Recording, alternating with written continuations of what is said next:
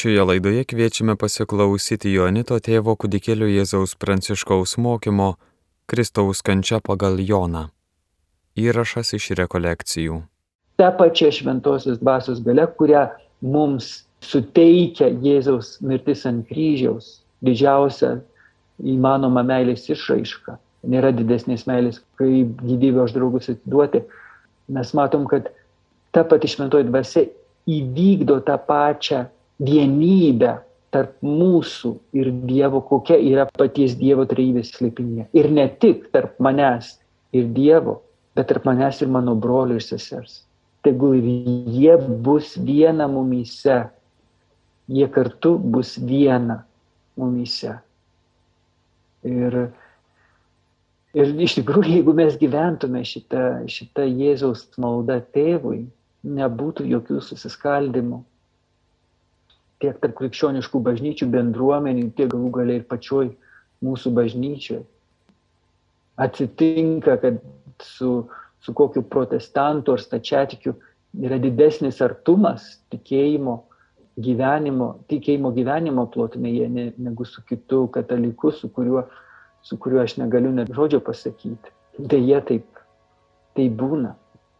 Kodėl? Tai todėl, kad dėl mes nepriimame savo širdį šito testamento, Jėzaus testamento per paskutinę vakarienę, kurie jis perdavė per Joną. Na ir aš tada labai greitai pabandysiu dar porą svarbių dalykų pasakyti jau iš pačios kančios istorijos. 18 skyriuje Jėzaus suėmimas, kai Judas su kareivių būriu ir aukštųjų kunigų ir faizijų tarnais ateina suimti Jėzaus ir Jėzus žinodamas visą, kas jo laukia, išėjo į priekį ir paklausė, ko ieško, tai jie atsakė Jėzaus Nazariečio. Jėzus tarė, tai aš. Lietuviškai išversta, tai aš, graikiškai ego eimi, aš esu. Tai yra tas Dievo vardas, kurį Dievas degančiame krūme apreiškė mozį. Degantis krūmas, degantis ir nesudegantis, iš tikrųjų tai buvo tik provaizdis ir pranašystė kryžiaus slėpinį. Tai yra, tai yra tas medis, kuris dega ir nesudega, dega pačia meilė, įsikūnijusią meilę, kuri yra Jėzus. Tai yra gyvybės medis ir Jėzus yra to gyvybės medžio vaisius.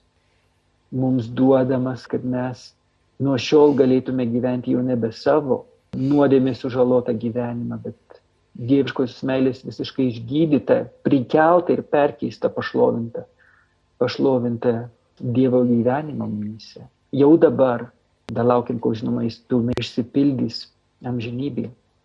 Aš esu ir būtent tada, kai Jėzus pasako, aš esu, ne tai aš, bet aš esu, jie čoko atgal ir parpuolė ant žemę. Akivaizdžiai Jėzus parodo tarsi ant atsimainimo kalno, parodo savo šlovės galybę. Tie, kurie artinasi prie Jėzaus ne su meile, jie negali prie jo prisartinti, jie atšoksta. Jeigu Jėzus paskui leidžiasi uh, suimamas, tai tik todėl, kad jis leidžiasi suimamas. Jie kitaip niekaip nebūtų jo suėmę. Tai todėl, kad jis savo norų iš meilės mums atiduoda savo gyvybę. Dar vienas toks epizodas, kurio pas Jonas nepasakojo, bet Morkaus Evangelijoje tikriausiai atsimenat, toks labai paslaptingas epizodas, kai jie visi išsilaksto, tie apaštalai. Tik vienas jaunuolis, įsisupęs į drobulę, nusekė paskui, bet jie bandė jį nutvert ir jis nuogas išsinėręs pabėgo. Ir ten toks didelis ginčas yra egzegetų dar apie kas tas, tas jaunuolis. Dabar dauguma šio laikinių egzegetų sako, kad tai buvo pats Morkus, Jonas Morkus, evangelistas. Senieji bažnyčios tėvai, vėlgi, kaip sakiau, aiškindami šventą raštą, pačiu šventuoju raštu sako, kad tai buvo Jonas mylimasis mokinys. Ne Jonas Morkus, bet Jonas mylimasis mokinys. Neužmirškim, jis buvo jauniausias iš apaštalų, ne Aniskos, graikiškai jaunuolis. Ir kodėl jie taip sako? Būtent todėl, kad Amoso pranašystėje yra tokios eilutės. Ta diena net drąsiausias iš jų nuogas pabėgs palikęs viską. Ir bažnyčios tėvai sako, nu, kad žinoma, kad tai buvo tik tai Jonas toksai. Tada galime, kaip toliau matom, kad išsibėgiojus visiems, Jonui galbūt, jeigu primtume šitą bažnyčios tėvų interpretaciją, pabėgus nuogam, apsirengus ir vėl sugrįžus, sekti Jėzų kartu su Petru, jie ateina iki Ano ir Kajafo rūmų.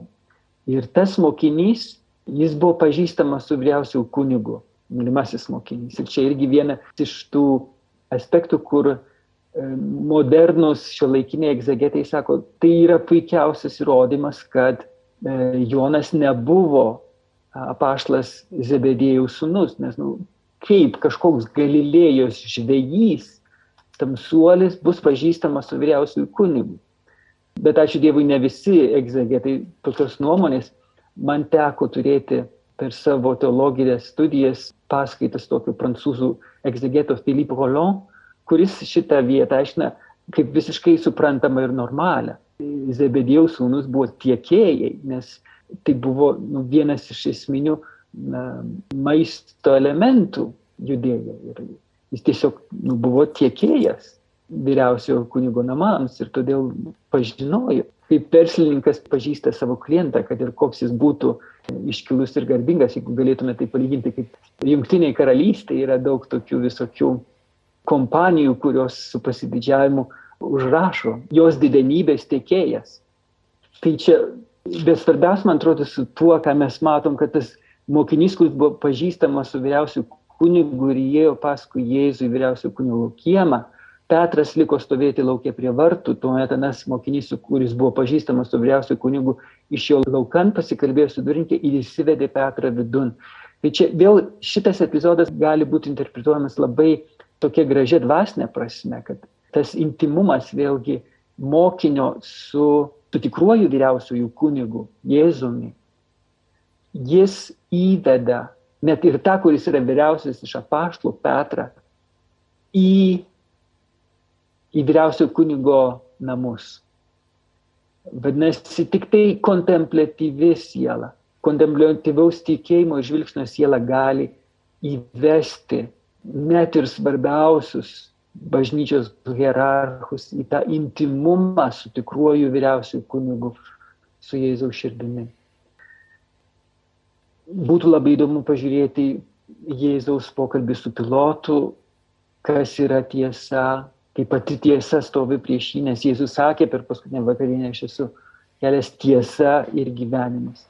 Bet mes tada dar pasižiūrėkime į gal svarbiausią aspektą šitos, šitos kančios istorijos, tai būtent prie Jėzaus kryžiaus, 19 skyrius, 25 eilutė ir toliau stovėjo jo motina, jo motinos sesuo Marija Kleopienė ir Marija Magdalietė.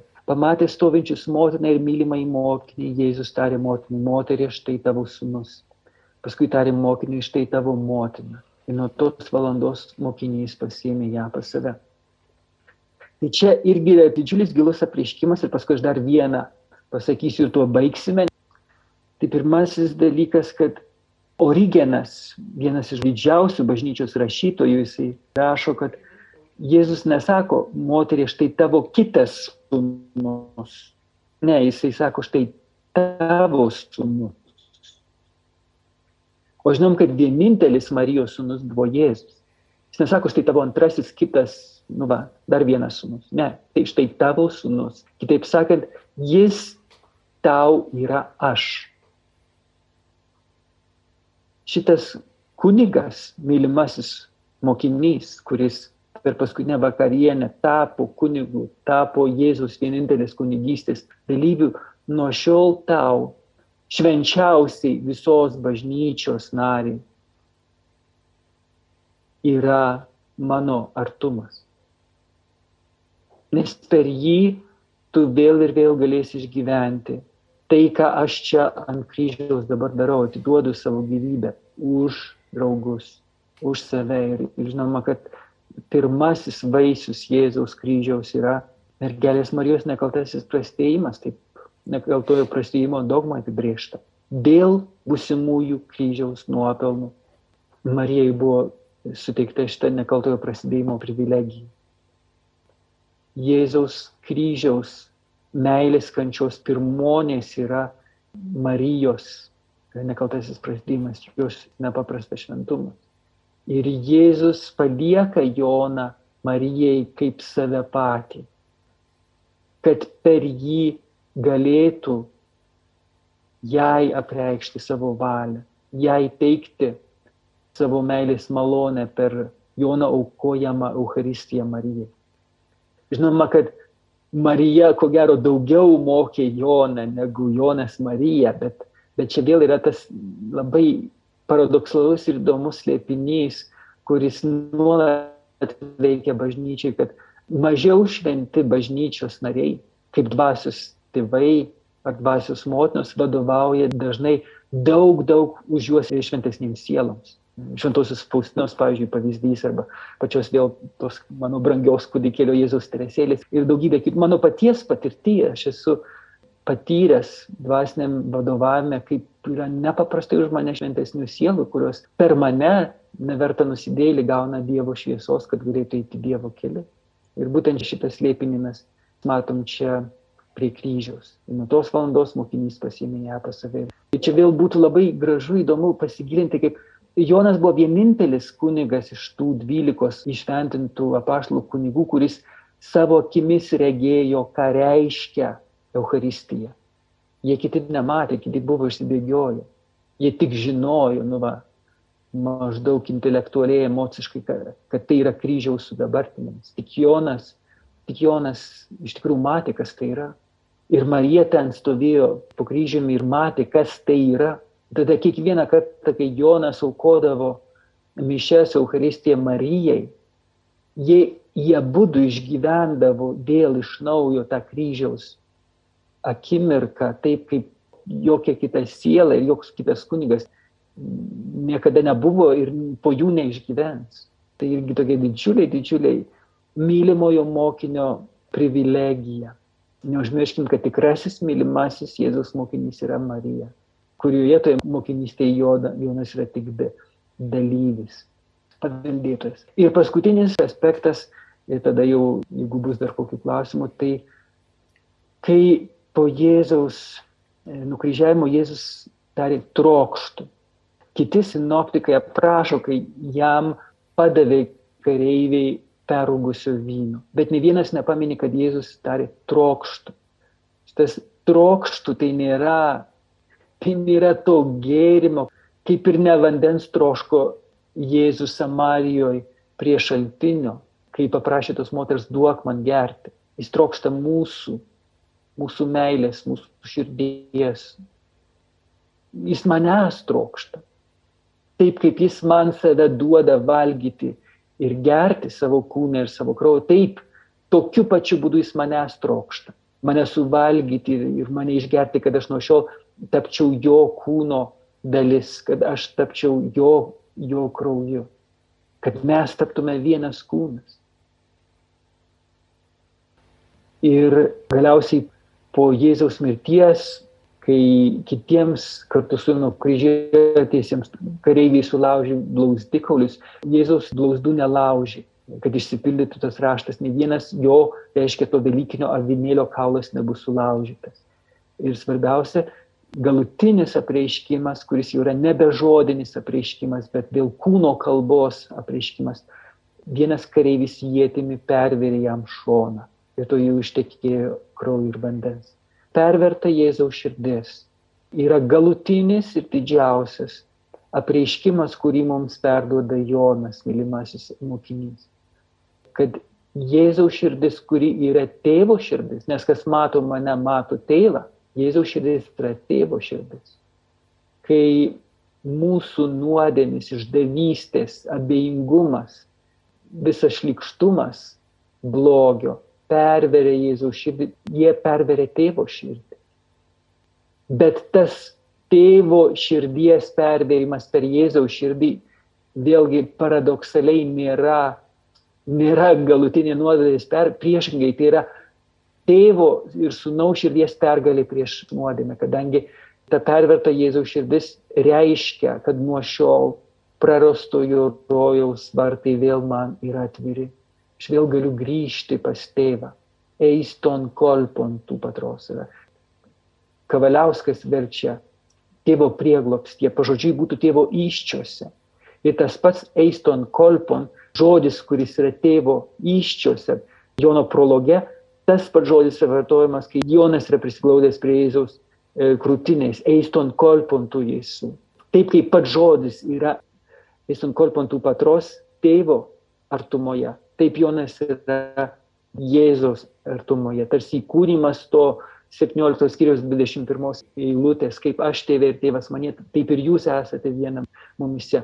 Ir to nesuvokiamo intimumo galimybė mums yra išreikšta būtent šitą paskutiniu be žodžių Jėzaus kūno kalbos e, ženklų, jų perverta širdimi, per kurią, per tą pervertą širdį aš nuo šiol galiu įžengti ne tik į šventovę, nes Jėzaus kūnas yra tikroji šventovė, ar neprisiminkim, kaip Evangelijos pradžioje Jonas kalbėjo apie Jėzaus kūno šventovę, bet netgi čia šventųjų šventovė. Mes nuo šiol esame įleidžiami į giliausias Dievo intimumo gelmes, ten, kur tik pats sunus te gali būti, nes niekas tėvo nepažįsta tik sunus ir kam sunus panorės apreikšti, būtent per šitą savo pervertus širdies lėpinį. Čia tikrai dar galima būtų kalbėti ir kalbėti, bet kadangi turėsite didįjį tridienį, didžiąją savaitę, vėl taip, nu, va, tokia, tokioj nesavanoriškai atsiskyrėlio būkliai, tai tikrai linkiu patiems dar toliau grįžti ir grįžti prie to Jėzaus dvasinio testamento Jono Evangelijoje. Ir tikiu, kad tikrai su meile ir to kontemplatyviu tikėjimu skaitydami jūs tikrai galėsite išvelgti tai, ko aš nebeturėjau laiko pasidalinti šį vakarą. Tai tiek. Ačiū. Kviečiam užduoti klausimus. Galite čia, kas neturit galimybės, jau yra keli klausimai čia. Ant šarūnas labai konkretus. Ar broli Pranciškau matai, ar perskaityti garsiai? Taip, aš matau. Pradedu tada nuo pačios pirmo, ar ne, nuo Indrės klausimas. Ačiū už gavėnius refleksijas, klausimas ir pasiūlymas ar būtų galimybė šventų Velykų laikotarpiu draugė su broliu Pranciškumi iš meilės perspektyvos žvelgti į apreiškimą Jonui, belaukiant mylimo Jėzaus sugrįžtant. Tai aš sakyčiau, kad tikrai galima žvelgti iš meilės perspektyvos kartu su Jonu, apreiškimo šviesoje mylimo Jėzaus sugrįžtant. Aš manau, kad tikrai broli Pranciškų reikėtų palikti gal jo pašaukimui. Nes mano pašaukimas dabar yra būti kaip tų grūdų, kuris krinta į žemę ir apmiršta, kad neštų vaisius. Tai jūs, jeigu jūs visiškai apstysite tą, tą grūdą, iš žemės jis taip niekad ir nenumirs, ir nesudiks, ir neneš vaisiaus. Tai aš tikrai tikiuosi jūsų supratimo ir leidimo man nu, va, gyventi šitą pašaukimą, kurį, kurį vyresniai leidžia, nes man tai lieka tik tai kiek daugiau nei metai ir paskui jau bus matyti, kad vyresniai toliau nuspręs dėl tos mano ateities. Tai būsiu dėkingas už, už šitą supratimą. Šarūnės klausimas. Ką reiškia Jėzaus žodžiai apie judą? Geriau jam būtų buvę neginti. Nors čia iš Morkaus Evangelijos. Vakar šį klausimą kėlė keli studentai lekcijų divina metu. Um, iš tikrųjų tai labai sudėtingas klausimas. Ir aš esu tikrai daug apie jį mąstęs bet jau labai seniai. Dabar turėčiau prisiminti, ką aš ten buvau išmastęs. Gal e, grįžkim prie šito klausimo truputėlį vėliau, gerai? Gal man sugrįš į atmintį tie esminiai dalykai, kaip šitą sunkia vietą aiškinti. Aha, čia dar vieno dalyvio asmeninis. Tai šitą aš pažiūrėsiu vėliau. A, tikrai, vienas iš, iš dalyvių man tiesioginių e, žinutę priminė, kažkada buvo išleista mano knygelė apie Velykų tridienį, kuris vadinasi Dievo galybė ir Dievo paslaptis. Tai iš tikrųjų, jeigu norite, galite ją paskaityti. Ji yra, turėtų dar būti keletas egzempliorių mūsų vienuolinė Vilniuje nusipirkti. O jeigu nebėra, tai aš esu įkėlęs e, tos knygelės tekstą į savo akademija.edu e, profilį. Ten reikėtų ieškoti angliškai mano vardas Francis of the Child Jesus, arba tiesiog mano pavardė nekrošis. Ten galime rasti tos knygelės tekstą. Tai irgi gal padės jums labiau pasigilinti į per didį tridienį tas paslaptis. Sigita iš palangos klausė Jono 13.15 iki galo, ką reiškia šitie žodžiai. Pažiūrėkime Jono 13.15.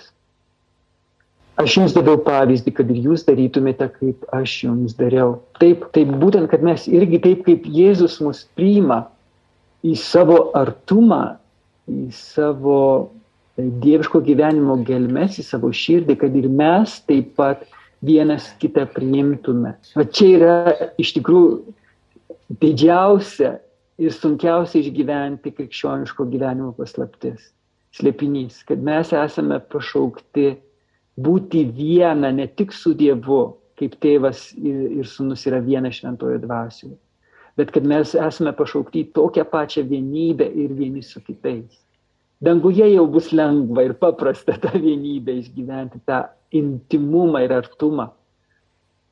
Bet kol esame šiame pasaulyje, šiame gyvenime, tas yra labai, labai sunku. Tai yra, yra būtent čia yra, ko gero, tas įsakymas, didysis įsakymas, darykite, kaip aš jums padariau.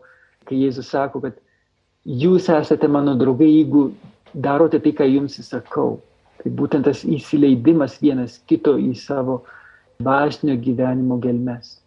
Tai nereiškia, kad aš dabar čia turėčiau viešai dvasiškai apsinuoginti prieš visą pasaulį. Ne, tai reiškia, kad aš esu kviečiamas turėti tą pačią laikyseną, kokią Jėzus turėjo savo mokinių atžvilgių, įskaitant judą. Nes ir judui buvo nuplautos tos kojos. Tas atvirumas gali iš tikrųjų kelti didžiulę kančią, tokią, kokią kėlė Jėzui. Aišku, nepalyginti mūsų kančios su, su tai, ką Jėzus kentėjo e, dėl išdaviko. Bet ta pati laikysena - aukoti savo kančią už tai, kurie mus skaudina. Ir tada mūsų žaizdos tampa nebe mūsų žaizdomis, nes mūsų žaizdos neša mirtį, jos tampa paties Jėzaus žaizdomis, kurios neša gyvybę. Tam, kuris mus žaidžia. Ir čia yra būtent iš Petro laiško, gal atsimena šitą, Petras moko, Jo žaizdomis mes esame pagydyti. Jis paliko mums pavyzdį, kad eitume jo pėdomis, kad darytume taip, kaip jis. Tai būtent šitas 13 skiriaus 15 eilutė, taip kaip jis. Leistis žaidžiamiems ir aukoti žaizdas už tuos, kurie mus žaidžia. Tada mūsų, mūsų žaizdos tampa gyvybės šaltiniu, nemirties. Toliau Sigita rašo, bet Dievas sako, kad rojus bus žemėje tik į dangų bus čia tikriausiai 140 tūkstančių, Jono 14 skyrius. Žinot, reikia labai atsargiai, ypač su apokalipse, ypač su apokalipse, su interpretacija tiesiogiai interpretuoti, nes tai yra didelis pavojus fundamentalizmo. Ir fundamentalizmas yra didžiulė klaida. Mes negalime visų šventų rašto žodžių imti pažodžiui. Ir netgi tuos, kuriuos imame pažodžiui, jų dvasinė prasme yra daug gilesnė negu pažodinė prasme. Kaip, sakykime, nu, va, šį vakarą ištisai galima pamatyti tuos pavyzdžius, sakykime, tos pačios Jėzaus širdies pervėrimas. Tai yra tiesioginė prasme, bet dvasinė prasme yra daug gilesnė. Jėzaus žodžiai Marijai, tai yra tavo sunus, yra tiesioginė prasme, bet yra dvasinė yra daug gilesnė. Taip ir su, su rojus žemėje, neužmirškim, kad žemė bus perkeista. Pirmasis dangus ir pirmoji žemė išnyko ir jūros taip pat nebeliko, bus naujas dangus ir nauja žemė. Ir nauja žemė yra Dievo šlovės perkeista medžiaginė tikrovė, kurioje bus perkeisti, pašlovinti mūsų kūnai.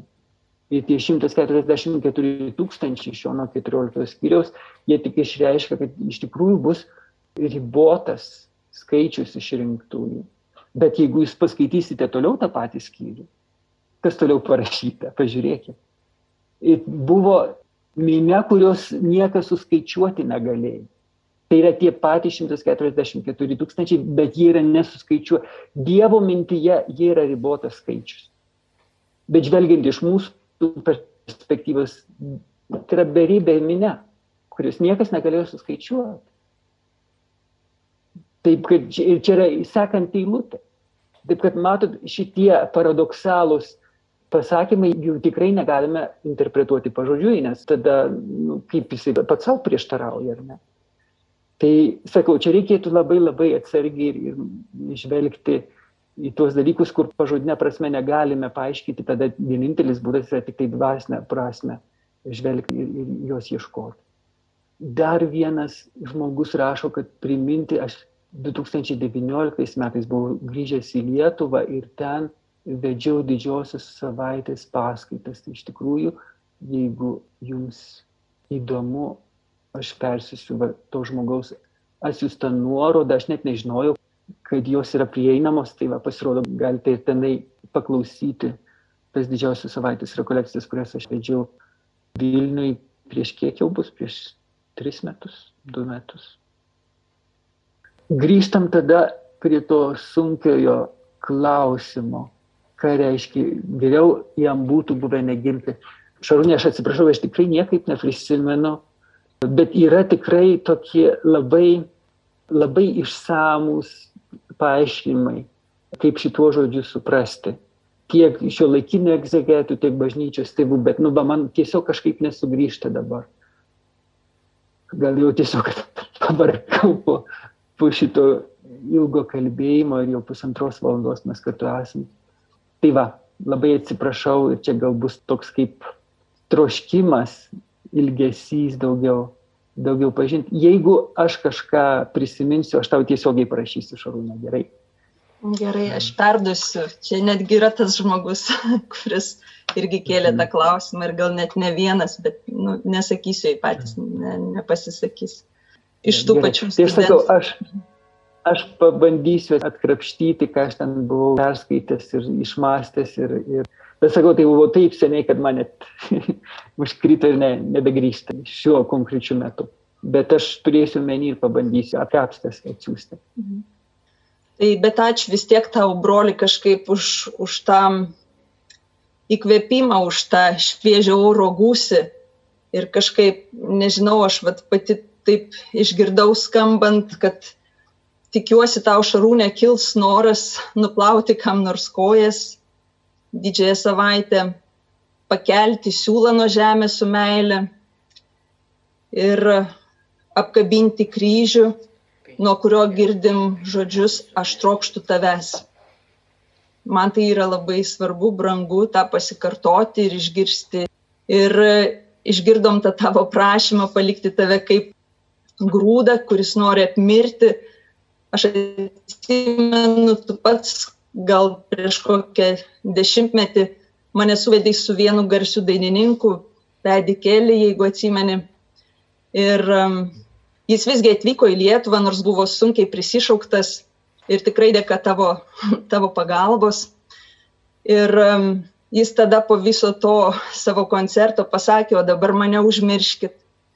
Ir aš atsimenu po to koncerto kažkaip ypatingai pradėjo jo visi ieškoti ir prašyti to adreso iš manęs ir aš praktiškai turėjau meluoti arba sakyti, nu manęs paprašė užmiršti viską. Nu, ta prasme, adresą ne, neduoti. Nes žmogus galbūt irgi norėjo nu, turėti ir kitokį laiką atsikvėpti. Tai pilnai suprantu, kad tavo tas laikas tikrai yra brangus ir su pagarba tikrai dėkojam tau, kad tu atsivėriai mums, padovanojai save. Tai ačiū tau. Ačiū Jums, kad taip ištikimai išbūti šitas ilgas refleksijas, šeši susitikimai per visą gavėnę. Aš tik noriu pasakyti, kad aš iš tikrųjų ne, neilsėtis noriu, nes dykumoje, vienumoje ne kiekvieną dieną yra poilsis prie, prisiglaudus prie Jėzaus krūtinės, kaip Jonui. Yra taip pat ir stovėjimas po kryžium. Ačiū Dievui kartu su Marija. Tai lieku tada maldos bendrystėj, linkiu visiems labai vaisingų didžiosios savaitės apmąstymų, maldos, išgyvenimų ir kad tikrai Velykų rytą jūsų širdis būtų kupina va, to prisikėlimo džiaugsmo. Šioje laidoje klausėmės Jonito tėvo kūdikėlio Jėzaus Pranciškaus mokymo Kristaus kančia pagal Joną įrašas iš rekolekcijų. Likite su Marijos radiju.